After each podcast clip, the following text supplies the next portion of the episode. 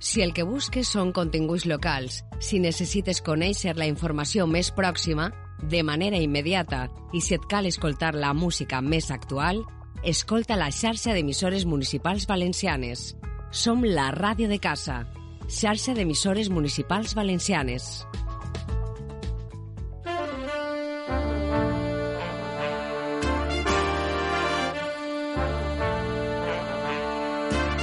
Així comença La Represa, un programa de debat, de diàleg, de reflexió i d'introspecció.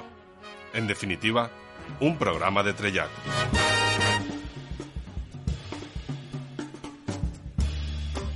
Bon dia de vespre, amigues, amics, i benvinguts una volta més a La Represa, un programa de trellat.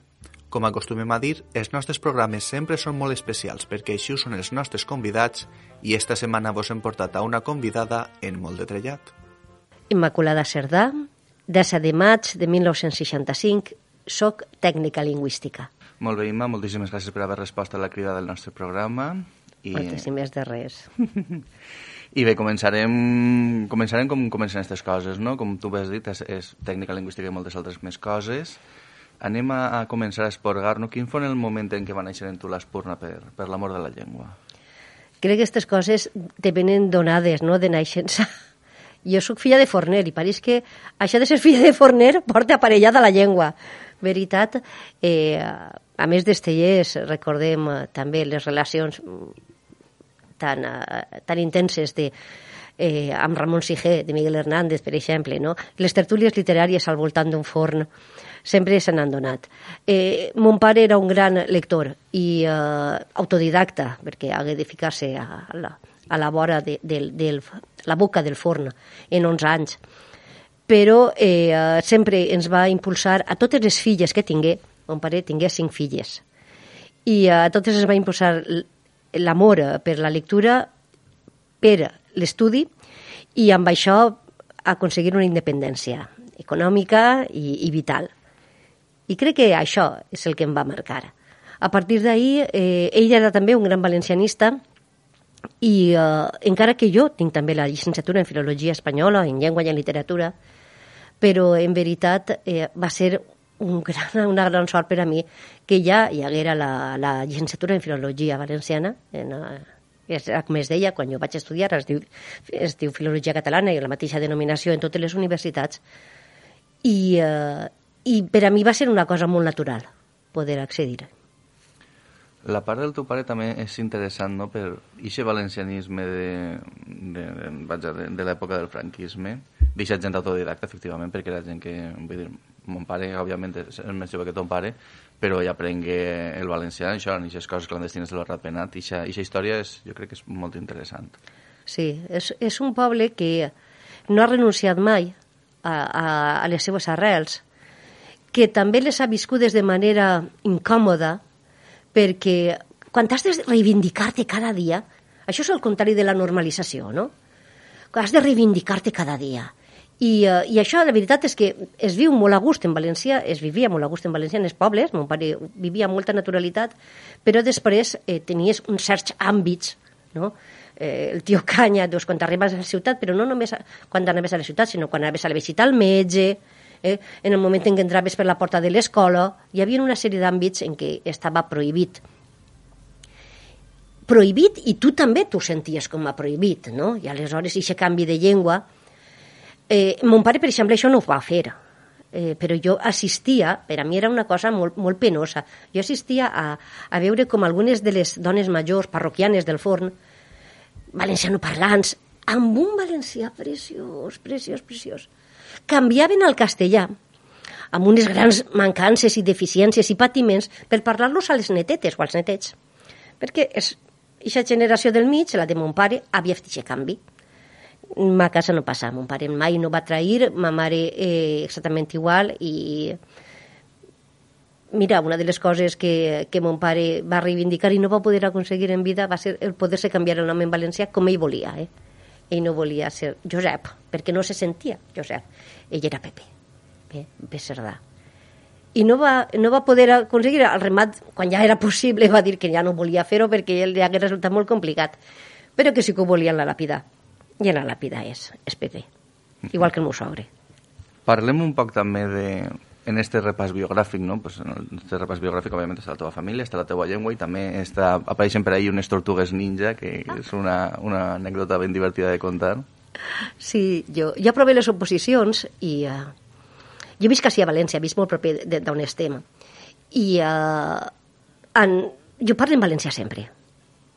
Jo vivia al final de Blasco Ibáñez i jo en la botiga, en el forn, en la verdureria, i de sobte anaves descobrint que la gent també t'entenia i la gent anava. I, uh, i una, una pizzeria per endur que hi havia baix de casa em va dir ella, diu, el meu germà està buscant algú que li ajudi a, a fer un, un, un doblatge, una traducció en valencià, i m'agrada molt com el teu valencià. Ella em posa en contacte amb un professor d'esta casa, del campus de Gandia, ara en este moment, i, en, i ells, nosaltres dos farem tàndem per a fer un, durant uns quants anys traduccions per a, per a productores que treballaven per a, per a Canal 9 en aquell moment. I una d'elles va ser la divertidíssima història de, les, de la sèrie de les Tortugues Ninja, on aprengui moltíssim. Crec que del meu treball el que puc donar gràcies sempre és de la barbaritat de coses que he après i amb la sort que he tingut de les persones que m'he trobat. Clar, això de les Tortugues Ninja seria segurament la primera de les eh, traduccions que faríeu, perquè, si no recordo malament, les Tortugues Ninja s'emeten o el primer o el segon dia d'emissions de Canal 9. Sí. O sigui, el, el 9 o el 10 s'emet. Sí, sí. I eh, començar en un altre equip, però el recuperarem nosaltres de seguida, i a partir d'ahir jo crec que nosaltres començarem a partir del capítol 4 o 5. I va estar molt interessant perquè arran de, de, de, la teua, de la teua telefonada i has estat en memòria, perquè ara han passat molts anys, m'he fet major. I, però saps què passa? Que el nostre país també ha canviat molt. I jo recordo moltes de les dificultats en què ens trobàvem per a traslladar el, el context, l'entorn en què vivien aquelles tortugues ninja, que no sé si recordaràs, però eren unes tortugues que havien mutat com, un experiment científic i, eh, i vivien a Los Angeles. Eh? Vivien en, en les clavegueres de Los Angeles. Cadascuna tenia el nom d'un artista italià, Leonardo, Michelangelo, Donatello i, i, uh, i Rafael. I Rafael. I, tots, i cada una d'elles tenia un caràcter. En principi no eren massa complicats, però el Michelangelo era una tortuga surfera i uh, usava moltes expressions molt divertides però era molt difícil de traduir-les així perquè no teníem encara nosaltres les mateixes referències. La, el nostre país de fa, de fa 35 anys per ahir era molt més tancat i molt més reduït que no este. Eh, posa un cas. Ell, una expressió que repetia molt sovint era Holly guacamole. Mm -hmm. Però si així no sabien que era un albocat, molt menys el guacamole què havies, què havies d'haver fet amb això, no? I ahir, clar, ens plantejaren, què fas? Crees un referent nou? De... Això no pots ficar una noteta a peu de pàgina. Això ha de funcionar a la primera i ha de ser versemblant i va per a criatures i, per tant, el que ho assimilaren va ser, eh, el feren com un passota. Eh, en realitat, ell també era així, un poquet eh, no? I també per quina passada, perquè en aquell moment el tema del passa e-, era... Clar, ara avui dius, oi, jo no haguera fet aquesta traducció. Ja, però les traduccions són filles del seu, del seu dia, no? Del seu context. No, bueno, són, són filles del seu dia, no només la traducció, sinó el, el mateix producte en si. Vull dir, Exacte. els ninja eren... Ui, són risibles, però sí, en aquella sí. època feien molta gràcia. Són risibles en el sentit de... Les trobes molt innocents.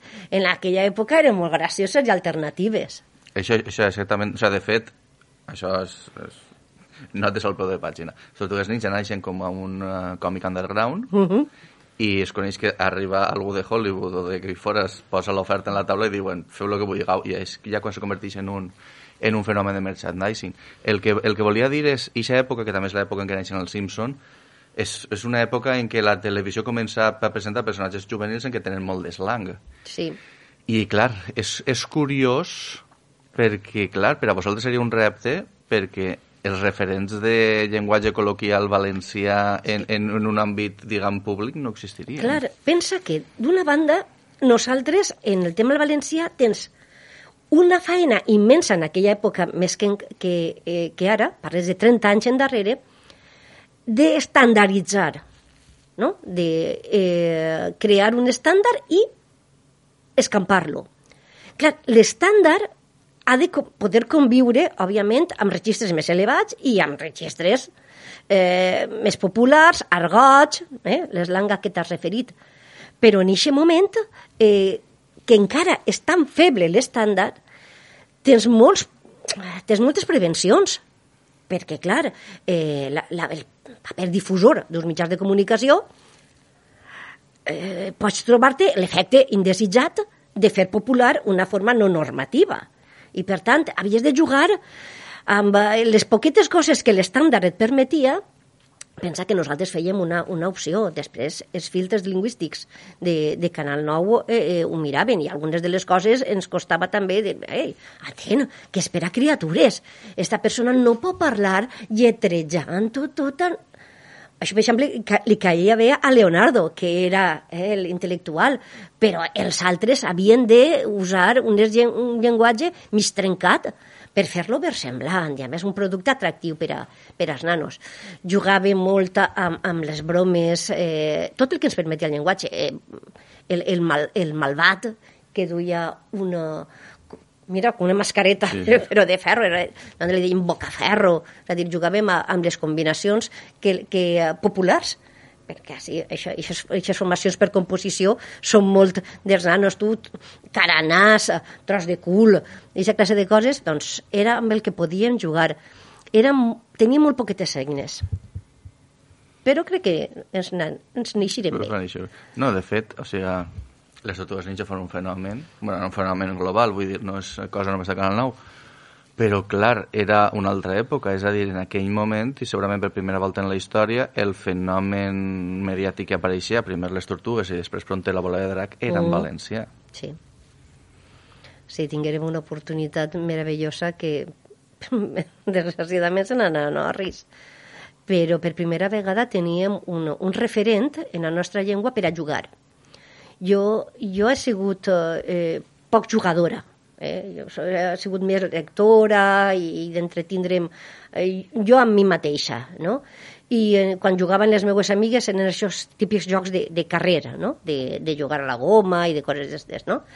Però eh, el meu germà era, era, sí que ho era, era molt juganer, ell i, el, i l'amic. La, I jugaven en castellà.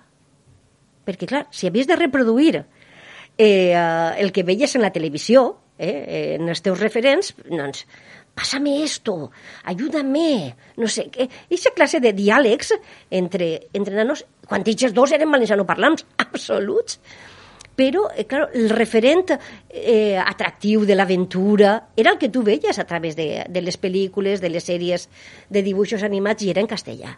Per primera vegada poguérem oferir a, als nostres menuts que pogueren crear també aquests diàlegs en valencià i que eh, es resultaren assumibles, es, es foren creïbles.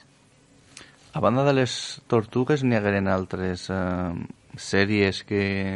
És que no sé quant de temps estigueres estigui tu fent poquet, això. Estigui poquet, perquè jo ja estava treballant a la Diputació, això era una cosa que veia de vesprada i... Eh, i després ja doncs, vingueren, vingueren els meus fills eh, i, i ja eh, deixia estar més que res també perquè la Diputació m'ha oferit també moltes possibilitats de treball i, i deixia allò. Eh, sí recorde unes quantes pel·lícules. Una cosa molt interessant en els documentals, que també mereixien una altra, una altra classe de, de traducció, una altra classe de doblatge, eh? perquè, clar, ahir sí que podies explicar perquè estaves veient en el documental allò, i et permetia explorar terminologia i tal. En fi, cada, cada producte eh, te permet explorar la llengua de diverses maneres i tot és molt interessant. Crec que és una eina molt, eh, molt adequada per a l'aprenentatge de llengües. Nosaltres, eh, anys després, tancada ja Canal 9, eh, un, un dels col·laboradors habituals la veu del geni Tortuga, Francesc Fenollosa Atent, ens va oferir, i durant molts anys hem fet un taller de doblatge pels, pels pobles, l'oferíem a través de la Diputació de València, i era una, una activitat, és una activitat eh, molt divertida, eh, ficar veu en valencià a la, a la Hello Kitty o doblar un documental de la BBC, que ja saps que se sent la veu eh, original per, per baix no? i la teua veu per damunt, o fins i tot fer de Norman Bates, eh, amb psicosi, eren les tres opcions que ens feia. És una eina d'aprenentatge molt interessant per a qui vol aprendre valencià i per als tècnics lingüístics també, per explorar els límits de, de, de la llengua i dels registres. Vosaltres, quan traduïu, per exemple, les Tortugues Ninja, era de l'original anglès Sí. o de la traducció castellana? No, n'hi de havia l'original pont. anglès. De l'original anglès. La distribuïdora ja vos duia l'original Sí, i... de l'original anglès, sí. I l'altra de les preguntes que se sol fer és entre la versió de TV3 i la de Canal 9 no hi havia contacte, no? Eren dos No. traduccions que es feien en paral·lel i Es feien en independentment. paral·lel, no tenien contacte. Jo sí que veia, perquè en aquell moment encara podia veure... Jo crec que la nostra era més divertida. No és perquè la que hem fet notar nosaltres, però jo trobava que la nostra era més divertida. Però és una pena, és una pena que no, que no hi haguera en aquell moment ningú contacte. És que nosaltres, a veure, nosaltres treballàvem per a una productora que s'encarregava del doblatge i tal, no, no, érem, no formàvem part de la, de la nòmina de Canal 9 i per tant tampoc no sé els contactes que n'hi hauria en Canal 9 amb TV3 però vaja, eh, entre les productores no cap. Bé, deixem de moment el tema Tortuga, que prou de temps ha, ha fet. És una anècdota a peu de pàgina, però divertida en la teva sí, la veritat. Eh? mira, em convocaren a, a, una, a una trobada de, de gent que fa mems i uh, de la Cale Barraca i tal i, i, Això i, era l'Etno, no? Si no recordo malament. Pot ser? No, fou en el centre d'octubre, però Val, val. ta- tant vindria. Ho comento perquè jo era un- una senyora, una senyora major, que fa mems, mems lingüístics, òbviament, i, i em miraven, eh, estava xufet, l'havien portat els pares, vull dir, una criatura de 16 anys. I, eh, i mirava molt malament. No? Deien, esta dona què fa, esta abuela què fa? Fins que vaig dir que jo havia traduït les tortugues ninja. A partir d'ahir em mostraren els seus respectes tots. Bo, bo saber-ho. Eh, val, anem a parlar un poc de la DIPU. Tu entres com a tècnica lingüística l'any 1990. Exacte. Mm, Després, més endavant, òbviament, tindries més, eh, més tasques, però anem a parlar 1990, vull dir, ja està la Generalitat assentada, ja, vull dir, la cosa autonòmica ja era una cosa palpable, però en certa manera érem les beceroles de la normalització lingüística. Exacte, exacte. En aquell moment, la Diputació, que és la primera entitat, vull dir, la Generalitat naix i, i així mm, no es partia de zero. La- L'administració anterior era, era la de la Diputació. Les grans administracions eren els, els ajuntaments i, i entre elles eh, la supra municipal que seria la Diputació. La Diputació deixa el palau que ocupava, que era el Palau de la Generalitat, per això aquest palau sempre ha estat en ús i, i, és, i és tan uh, oficial, no? Uh, tant de poder, emana poder, perquè sempre ha sigut seu de poder. La Diputació abandona aquella, aquella seu i la cedeix a la Generalitat i se'n passa a la tabada de la plaça. Se'n va a la plaça de, als Palaus Balia i Palau Escala. I ahí és on entro jo a treballar. Una oposició, eh, un concurs d'oposició, eh, i això, em posa, i em posa a aprendre l'ofici perquè en veritat, eh, i aquest és un tema que també ha millorat molt en el temps, però la gent que estudiava en filologia, perquè a València no s'estudiava traducció i interpretació, la gent que estudiava en filologia eh, eixíem amb un bagatge mm, interessant, però molt poc pràctic. Eh, el CAP era, si volies dedicar-te a l'ensenyament, el CAP en el meu cas foren tres mesos. Eh? i te donaven algunes estratègies didàctiques i tal, però vaja, trobo jo que insuficients. Però si volies dedicar-te a una altra cosa, com per exemple la traducció administrativa, com fer plans de promoció de l'ús del valencià, tot això, la veritat és que eh, per a, per a este, esta classe de tasca no t'havien preparat gens. I haguérem de, uh, d'aprendre, d'aprendre l'ofici, doncs això, eh, treballant i amb assaig i error, i sobretot també eh, mirant molt què, feia, què feien en altres administracions que potser anaven un poc més avançades. I no sempre, eh, no sempre és adequat això, en el sentit d'intentar traslladar exactament igual que el que fan en els altres llocs. Per als altres llocs, bàsicament, País Basc i Catalunya. No? Exacte, perquè has de fixar-te molt bé que la planificació lingüística té molt a veure en la situació de la llengua i la situació de la societat. Eh? Ho dic perquè amb els anys hem vist eh, i ens hem sentit malament, perquè has dit, ai, doncs que malament ho fem perquè no tenim els resultats, per exemple, de Catalunya. Però partim de, de a prioris diferents, també és veritat d'administracions diferents, eh, vull dir el Consorci per la Normalització Lingüística que tenen a Catalunya és un consorci. En això vol dir diverses administracions, totes treballant amb un, eh, a priori, amb una idea comuna, no? posant-hi tots diners i, i creant una xarxa estable durant tots aquests anys. Nosaltres així no ho hem tingut això mai. Hem treballat i crec que ho hem aconseguit per una xarxa eh, molt, molt estable d'oficines de, de l'ús del valencià municipals. Eh, municipals. Que és veritat que la Generalitat, també canviant en els anys, els ha donat més o menys diners als ajuntaments, la Diputació sempre ha anat pel seu compte, però no, no hi ha hagut una línia, diguem-ne, governamental. Eh. Per tant, és difícil aplicar exactament igual les mateixes estratègies en àmbits diferents i, i pretendre que el donen el mateix resultat. Certament ens hem inspirat també en altres, en altres uh, estadis d'altres llengües oficials que té el nostre país i, uh, i ens han donat més bons resultats. Posa pel cas el tema de, de gallecs, eh, per cas, o, o de les illes, o fins i tot Astúries. Eh, portem anys compartint eh, compartint experiències. I és una llàstima eh, que això eh, no tinguérem una visió eh, d'aquest concepte fa 30 anys, però és que també eh, no sé qui ho hauria d'haver retingut. Pot ser qui està a Madrid manant que hauria de pensar que governar sobre un estat plurilingüe. Plurilingüe, no? I, i no mai s'ha pensat en això. Clar, si fas xicotes regnes de taifes, també a aquestes altures eh, des, no sé, desbalafies moltes energies per al camí. Estos anys ens han permès eh, aprendre d'aquests errors i, i treballar per, a, per anar en xarxa.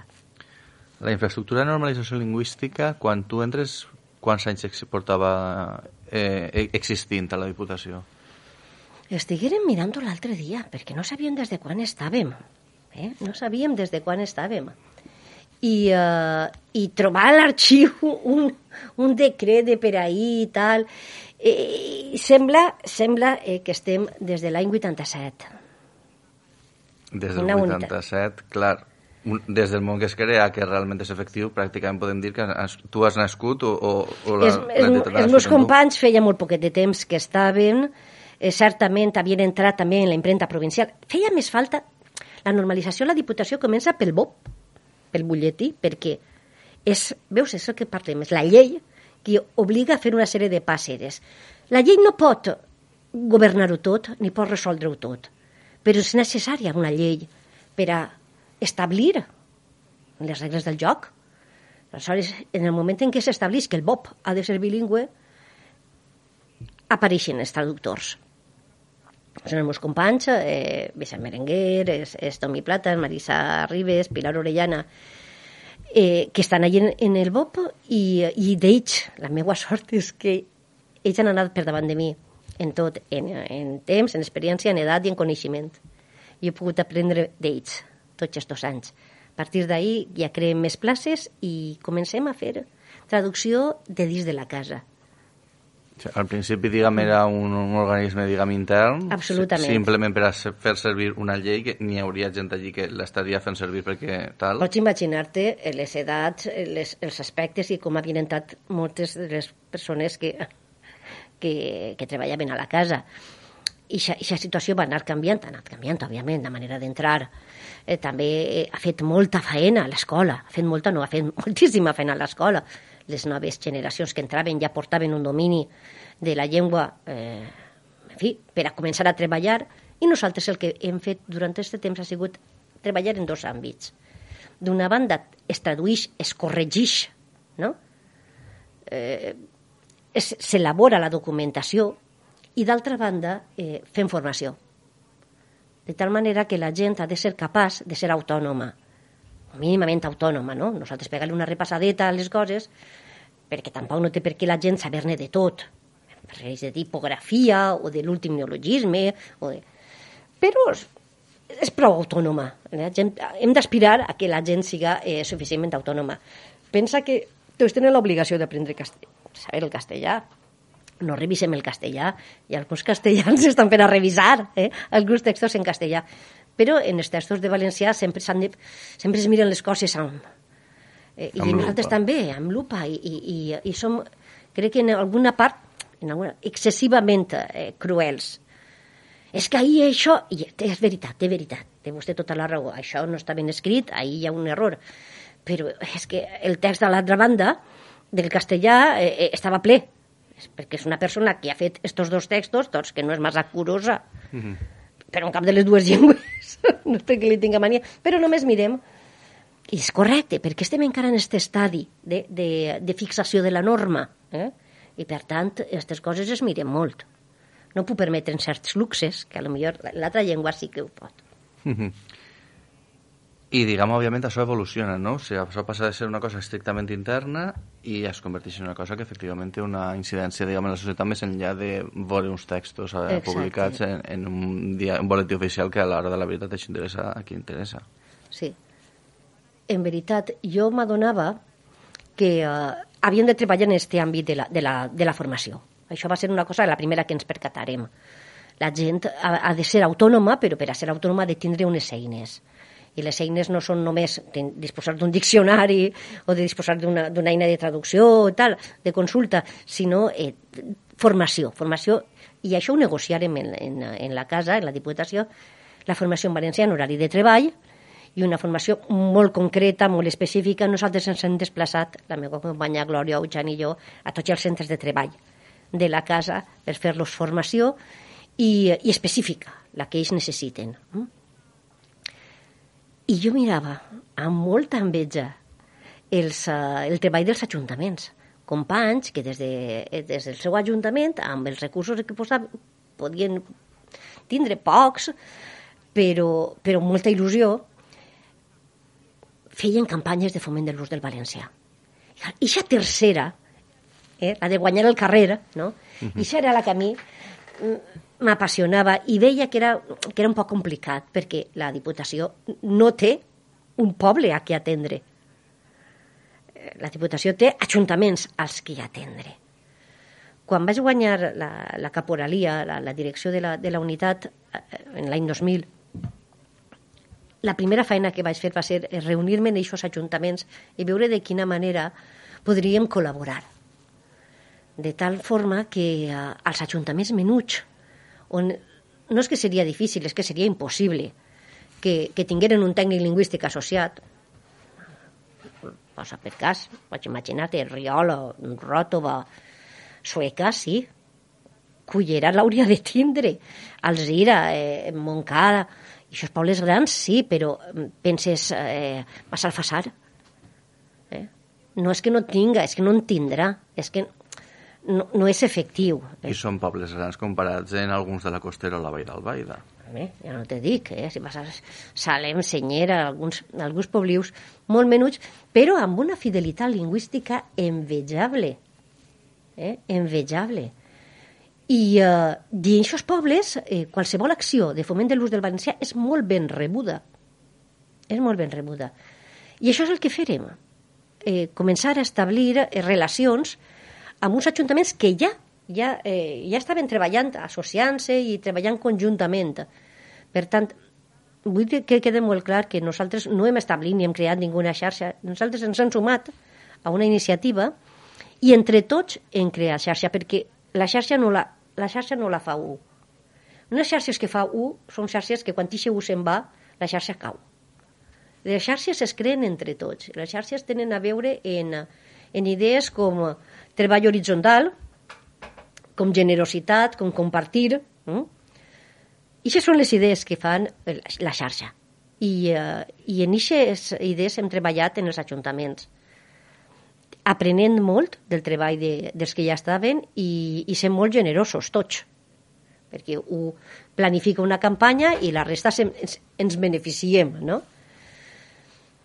I la Diputació què ha fet? Doncs crear campanyes, compartir campanyes i, uh, i adquirir molts materials de les campanyes per distribuir-ho pels ajuntaments. i patejar-me'ls tots.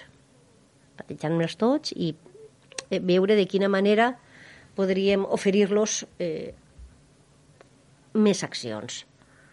Ara mateix tenim entre mans eh, un pla de normalització lingüística eh, per als ajuntaments estos mitjancets.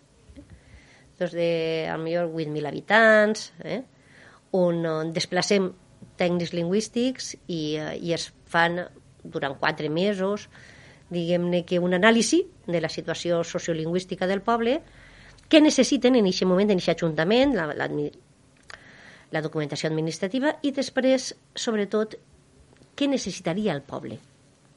Quines accions? Allò que estàvem dient, guanyar el pati, no? guanyar el carrer. Després de la pandèmia, eh, i, en, i en temps de pandèmia, ja ens percatarem que el nostre aliat sempre hem anat de la mà de, del comerç local. Les ADL, nosaltres hem treballat més, en, més que en els tècnics de cultura, hem treballat amb ADLs, perquè són els que coneixen eh, el teixit econòmic i social. Fem moltes campanyes amb el comerç local.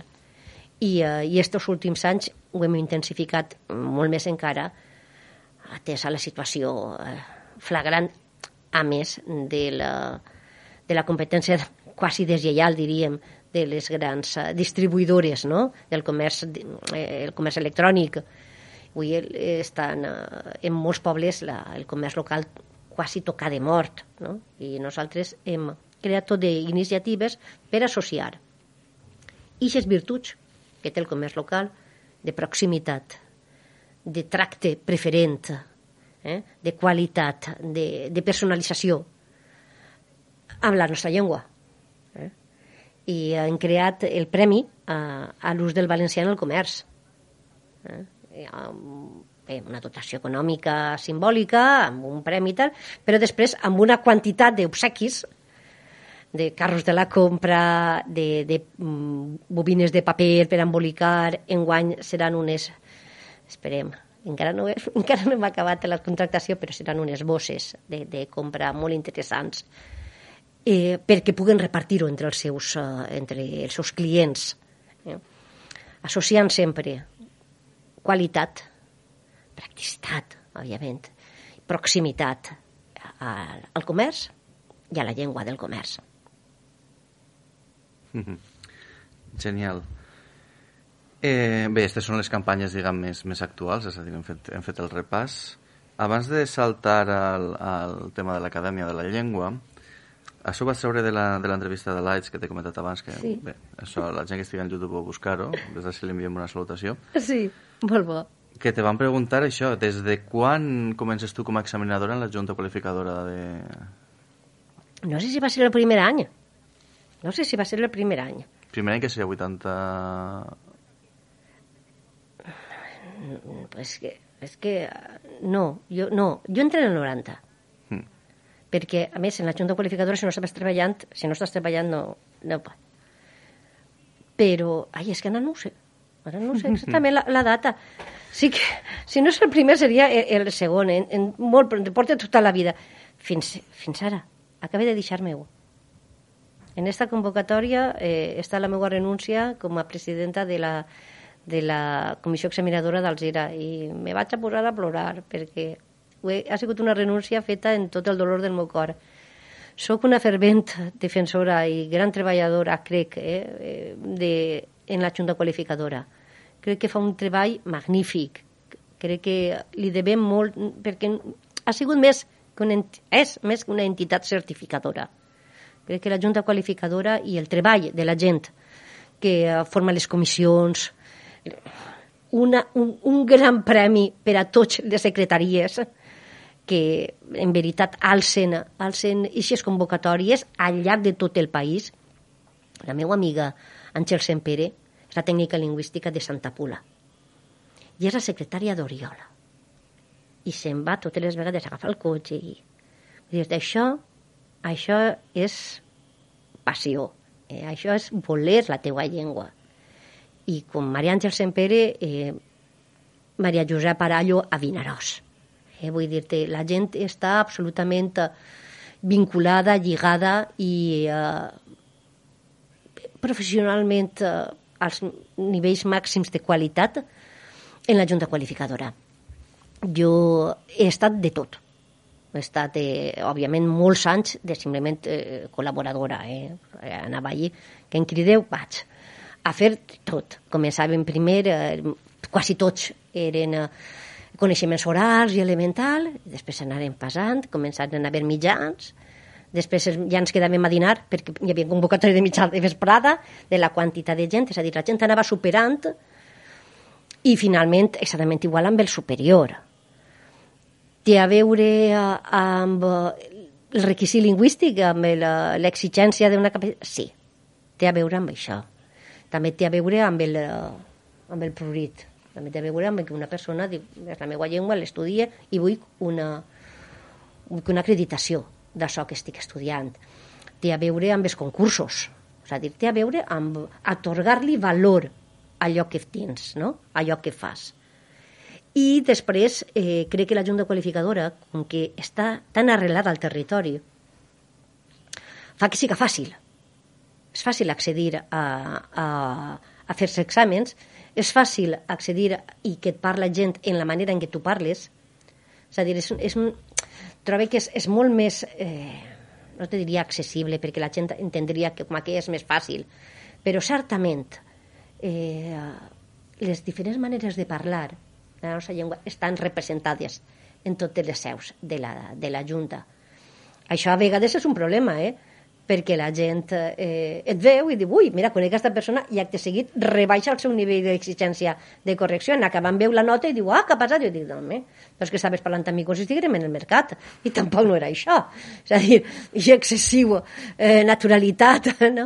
I excessiva proximitat per això que la gent oblidarà en algun moment que estava fent un examen. S'insisteix molt en aquest tema eh, ja el dic, jo recorde els embarassos dels meus dos fills, eh, vivint-los allí, i, i sent una oportunitat molt bonica per a mi també, que no m'he dedicat a l'ensenyament i, per tant, no tinc molta relació en, en la gent de la meva carrera o de la professió que, que es dedica a la docència, era un moment molt bonic per a retrobar-me. En acabant, amb aquest canvi de govern, vaig tindre la possibilitat de, de posar en marxa la, la seu d'Alzira, eh, començant des de zero, aplicant els criteris que, eh, que la nova Direcció General de Política Lingüística havia, havia demanat, eh, la professionalització del, del cos d'examinadors i eh, en veritat hem creat una seu, hem creat eh, tot el tribunal i tots els membres, els que han volgut formar part i formar-se, perquè el criteri és, eh, ha canviat molt en els anys com hem examinat. Abans era anar a veure quins errors cometia. Eh? I ara, amb el marc europeu, el que intentem mirar és quina capacitat tens. Has sigut capaç de fer allò? És a dir, es mira en positiu. I aquest canvi de xip també s'ha d'assajar. Eh? El canvi de xip quan ha ocorregut? El canvi de xip, en principi, va ser quan començarem en el marc europeu, que no és de fa quatre dies, va, va d'abans. Però certament la gent continuava, eh, la meva percepció és que la gent continuava examinant en, en aquests mateixos eh, criteris, no? Mm. És arran d'aquesta pla de formació que es fa, eh? Eh, estem parlant de l'any 97, crec, que estem el primer pla de formació per a aquest cos d'examinadors altament qualificat, és com, com, es, com es diu, eh, que s'incidix en que el marc europeu el que vol, el que pretén avaluar són les competències en aquest moment que tens. També això és veritat que això implicaria, si ho posarem bé, que aquests títols tindrien caducitat. data de caducitat. Eh? La qual cosa em beneficia perquè jo me'l vaig treure en 2010, en plan a la primera a C2, i ja no m'he tornat a de preocupar. Clar, dius, en aquell moment, en el 2010, tenies un C2. Ara no ho sé. Sospite que també. Sospirem però... que també. Però, certament, o sigui, és el que fas és avaluar la teua capacitat, la teua competència lingüística en aquest moment determinat. No? I això també és una cosa que calia eh, que la gent la, la, la tinguera assumida i repensara com estaven fent-ho. També els exàmens canviaren el concepte, eh, les eh, rúbriques d'avaluació van cap ahir i ara és molt més fàcil, que aquí ja la gent ha fet el pas i, i estan anant molt bé les coses. En veritat estic molt contenta. I per què no ho deixes? Dius, si està anant tot tan bé i estàs tan contenta. Per què no me dono la vida per a més? Perquè està sent tots els mal de cas que pugui haver-hi Per què alguna no me altra dono la vida per a més? Perquè dic a tu que sí. Parlem de coses a les que has dit que sí. 2016, Acadèmia Valenciana de la Llengua. Era Sí. un moment en què només n'hi havia que tres dones en la institució, segons he consultat a la Viquipèdia. Ni això. En el moment en què entrem a l'acadèmia, només hi havia una dona. Només estava Verònica Cantó. Havien hagut més dones, però Marisol González Felip mm, anuncia que, que, que renuncia després dels 15 anys, eh, diguem-ne, obligats, no, obligat, obligates, però vaja, en principi el, el, eh, ells tenien un, un mandat per 15 anys renovable en 5 i 5. No? I Marisol González Felip eh, diu que ella, mm, el seu període en l'acadèmia, eh, No ja el dona per acabat. Eh, Ascensió Figueres, que havia sigut la presidenta, eh, Marxa. marxa perquè eh, assumeix un càrrec polític i això és incompatible. I, eh, i Carme Barceló, que havia sigut elegida de primera, mm, prompte eh, se ho deixa. Eh? Per tant, quan jo entré, només està Verònica Cantó. Una de 20. Eh? Una i 20. I entrem Carme, Carme Miquel, Carme Miquel i jo. En Pau Descansa i tu. Exacte. I ens trobem, això, tres. Carme falta i és substituïda per, per Maribel Guardiola, per una altra dona. No, perdó, perdó, perdó. Abans de faltar Carme, perdó, perdó, disculpeu. Eh, falta Josep Lluís Domènech. Falta Josep Lluís Domènech. I és substituït per Maribel Guardiola.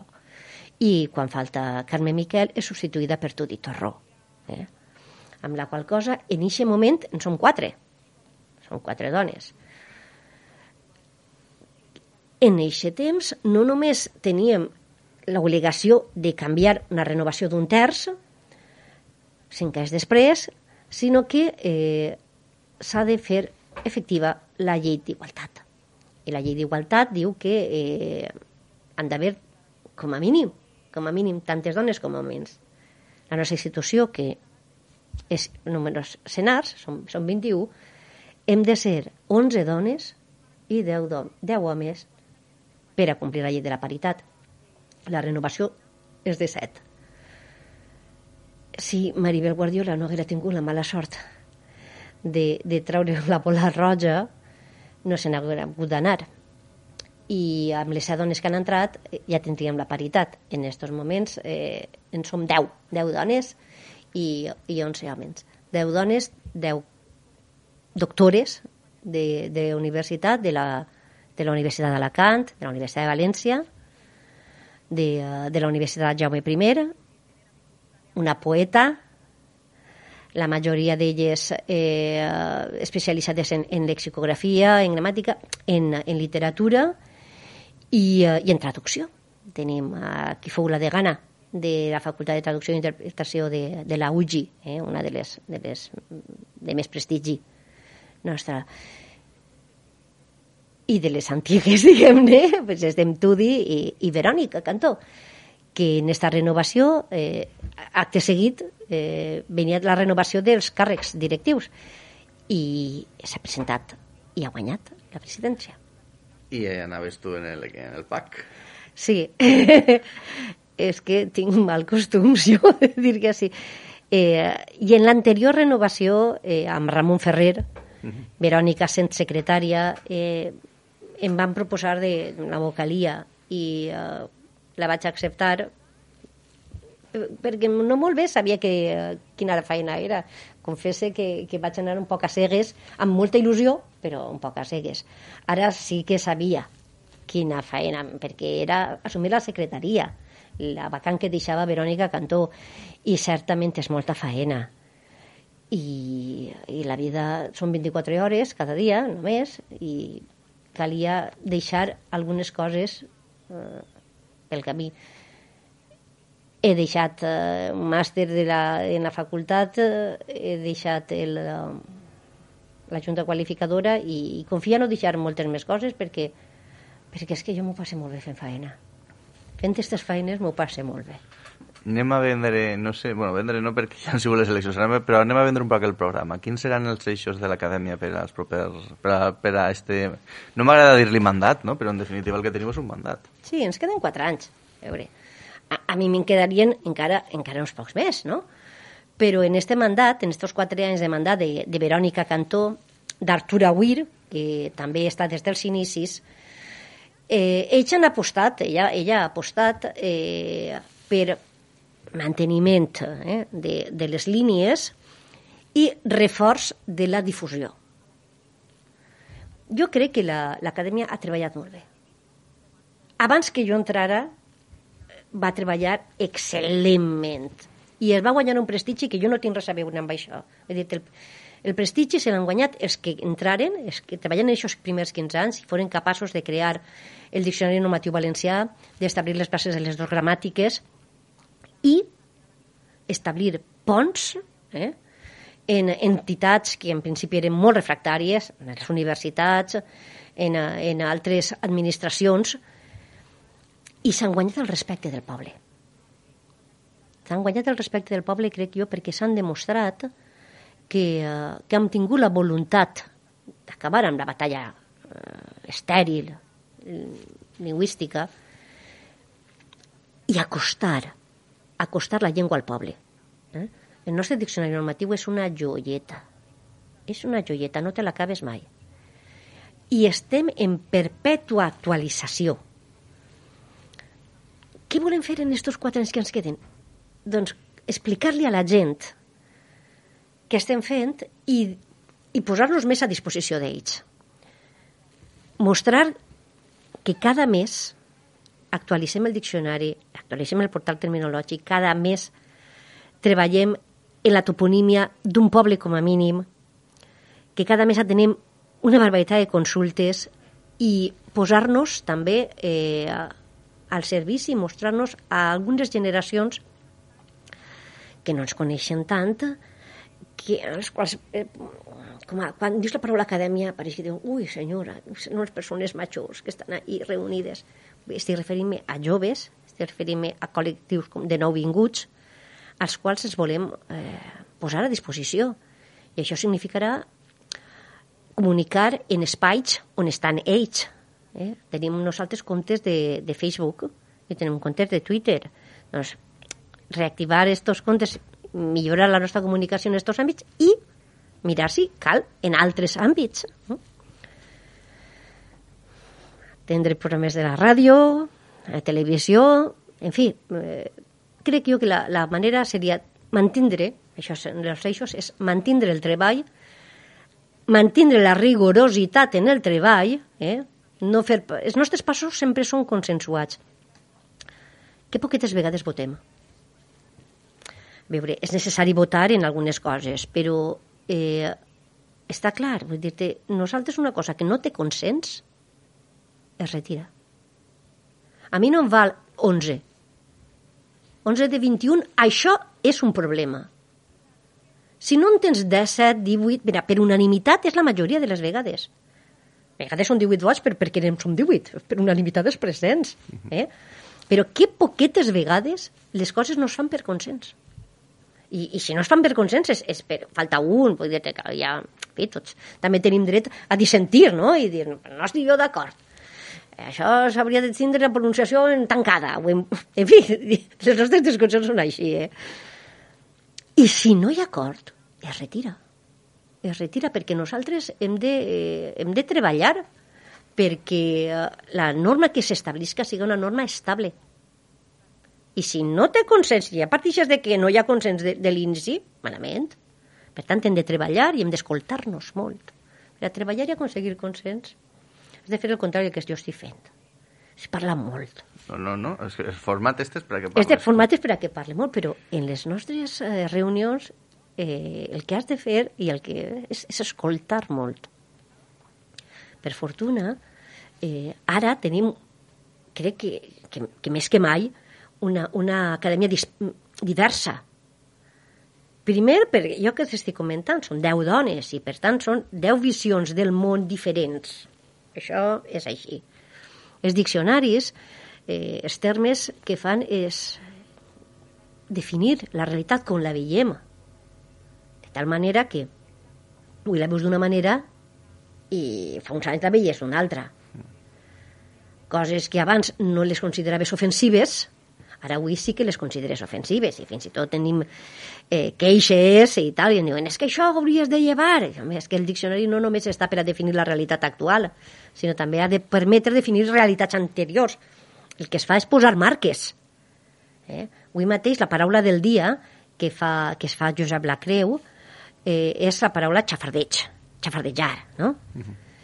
I que té una història molt bonica perquè té a veure amb els safarejos. I jo este matí estava desdejunant amb ma mare i ella estava parlant-me de, de llevar en el riu i de llevar en el llevaner, eh? que nosaltres diem el llevaner, el safareig. I dic, mira, que casualitats eh, eh, que venen. Doncs comença la paraula del dia de Josep Lacreu dient alerta, xafardejar, dir-li un, que, dir a algú que és un xafarder, una xafardera, és un insult. Té caràcter pejoratiu. És un insult. És a dir, diu, alerta perquè les coses... Vull dir, totes les paraules que entren en el diccionari no són per a gastar-les arreu arreu. Uh -huh. Per això posem marques. I dius, això és pejoratiu, això és col·loquial, eh? o això és arcaic, o això és del llenguatge infantil. Faria la paraula mà. Vols mà? El primer que he pensat. Eh? Veritat. Que és tan bonica, que, que coincideix en l'àrab. Eh? Que aigua en, en àrab és mà. I... Eh, ai, pues mà està en el diccionari. Ja, doncs, sí, òbviament, però fixa't en la paraula que posa davant, no? La marqueta que posa davant, que és llenguatge infantil, això vol dir que pots usar-ho, però en aquest context.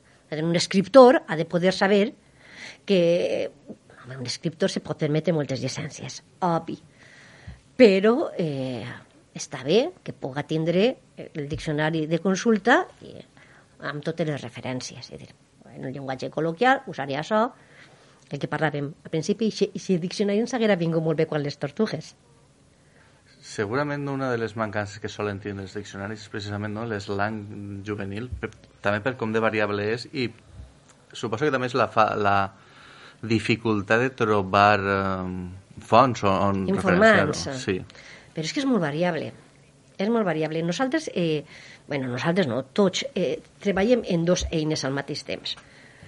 Un és el diccionari normatiu, i per tant allò que diguem-ne que és estàndard, allò que s'estudia, allò que s'examina, eh? allò que s'examina. I després tens, a l'altra banda, eh, una, un portal terminològic, tenim nosaltres, diem el Porterbal, que incorpora llenguatge d'especialitat i neologismes. Llenguatge d'especialitat eh, ha d'estar en el diccionari normatiu? Ah, depèn. Quan resulta que passa una pandèmia, llenguatge d'especialitat, que només el coneixen quatre, resulta que passa al llenguatge general. I de sobte tots sabem d'antígens, de virus i coronavirus i adenovirus, i sabem de una sèrie de terminologia que en principi era només restringida.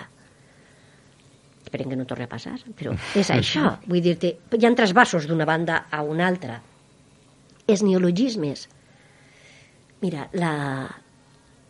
l'últim divendres de mes, el dia 29, fem el ple lingüístic. En aquest ple es debaten les aquestes inclusions. En l'últim ple lingüístic, el de 29 d'abril, entràvem, entre altres,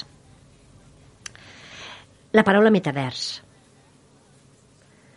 Jo no formo part d'aquesta secció de terminologia, però tota l'acadèmia aprova. O sigui, això és una cosa que es treballa en una secció, X persones, però després ha de ser la voluntat de tot el ple, eh?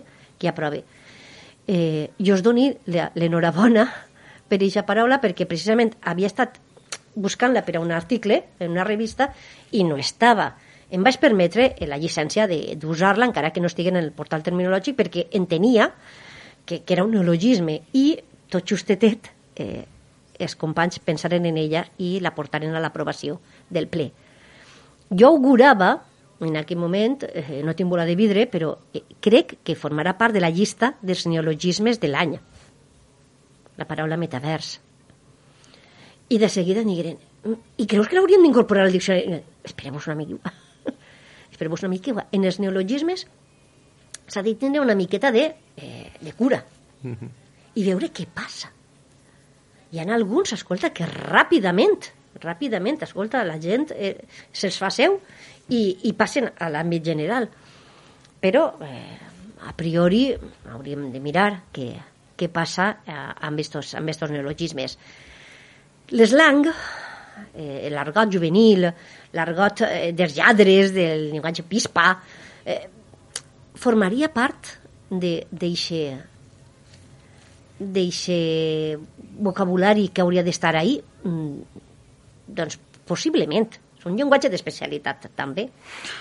No ho sé, no ho sé, però, però què passa? Que és un llenguatge molt inestable. Mm -hmm. És un llenguatge que està precisament creat per ser críptic.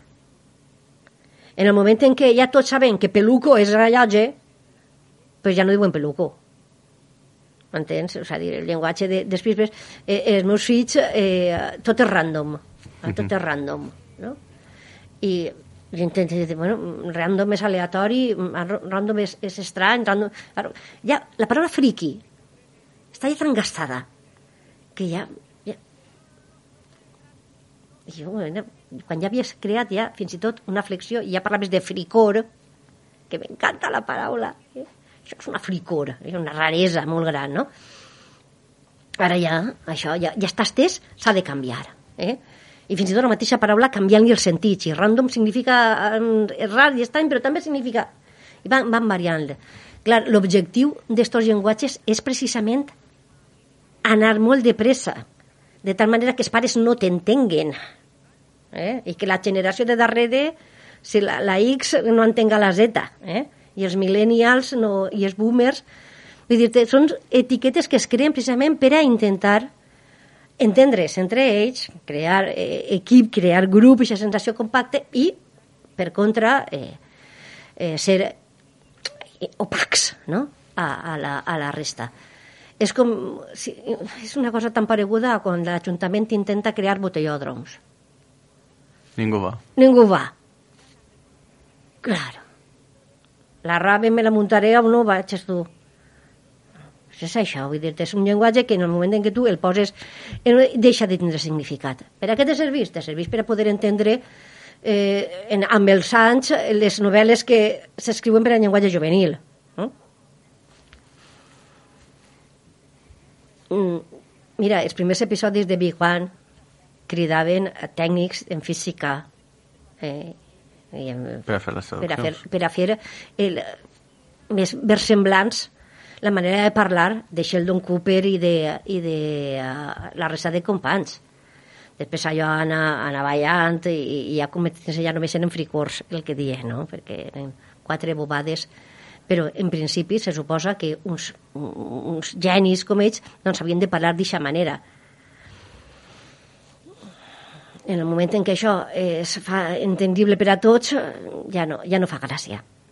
Que ja no la té. La risa és quan tu no ho entens. -huh. No, de fet, en aquesta sèrie segurament hi ha un paral·lelisme, no? Començar com una cosa molt de nicho, però al final acaba sent una versió moderna de Friends, és a dir, un altre sitcom. Efectivament, efectivament. I un poc hi ha molta llengua... diferència entre els primers capítols. Mira, jo recordo una pel·lícula de la, la primera, ja en els anys 70, una quantitat de, de, de pel·lícules uh, de catàstrofes. Mm. Eh, del color són llames i, i uh, el titani, bueno, el titani no, el Posidó, el Posidó mm. que, que, que era doncs després hi hagueren una, tota una sèrie de, de pel·lícules eh, de, de burlar d'allò, no? El Aterriza como puedas i, i totes les múltiples versions que tingueren. La primera, Aterriza como puedas, jo recorde eh, haver anat al cine i hi ha una escena en què estan tots presos de, de, del pànic i hi ha una parella tota carregada d'ors negres d'aixòs, que són molt alternatius de l'època aquella i, uh, i estan intentant explicar-li a l'hostessa que se senten malament perquè s'han intoxicat tots.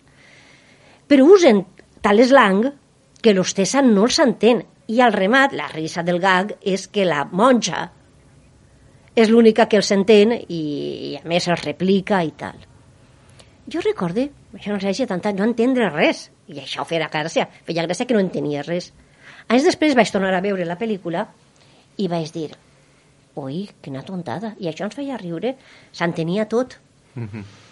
El carroza, el, a la muy, coses així. que també te fa pensar no? que havien gastat un llenguatge molt, molt, molt xeli per a Bé. traduir-ho.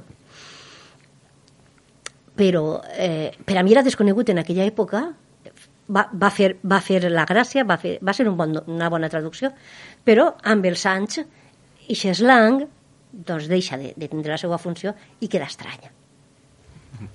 Bé, Imma, crec que ens hem menjat tot el temps, o sigui que no està malament, no? Una hora de xerrada, sí. No està gens malament, però jo és que xerre massa. No, no. i- Ha És sigut- que m'agrada molt les coses que faig. Doncs sí, la Gràcies. veritat és que transmets la teva passió i ha sigut una... Ha sigut molt agradable estar amb tu i ja saps que tens la porta oberta per a tornar sempre que vulguis al nostre programa. Eh, la, la feliç i l'encantada sóc jo. Conteu amb mi sempre que vulgueu.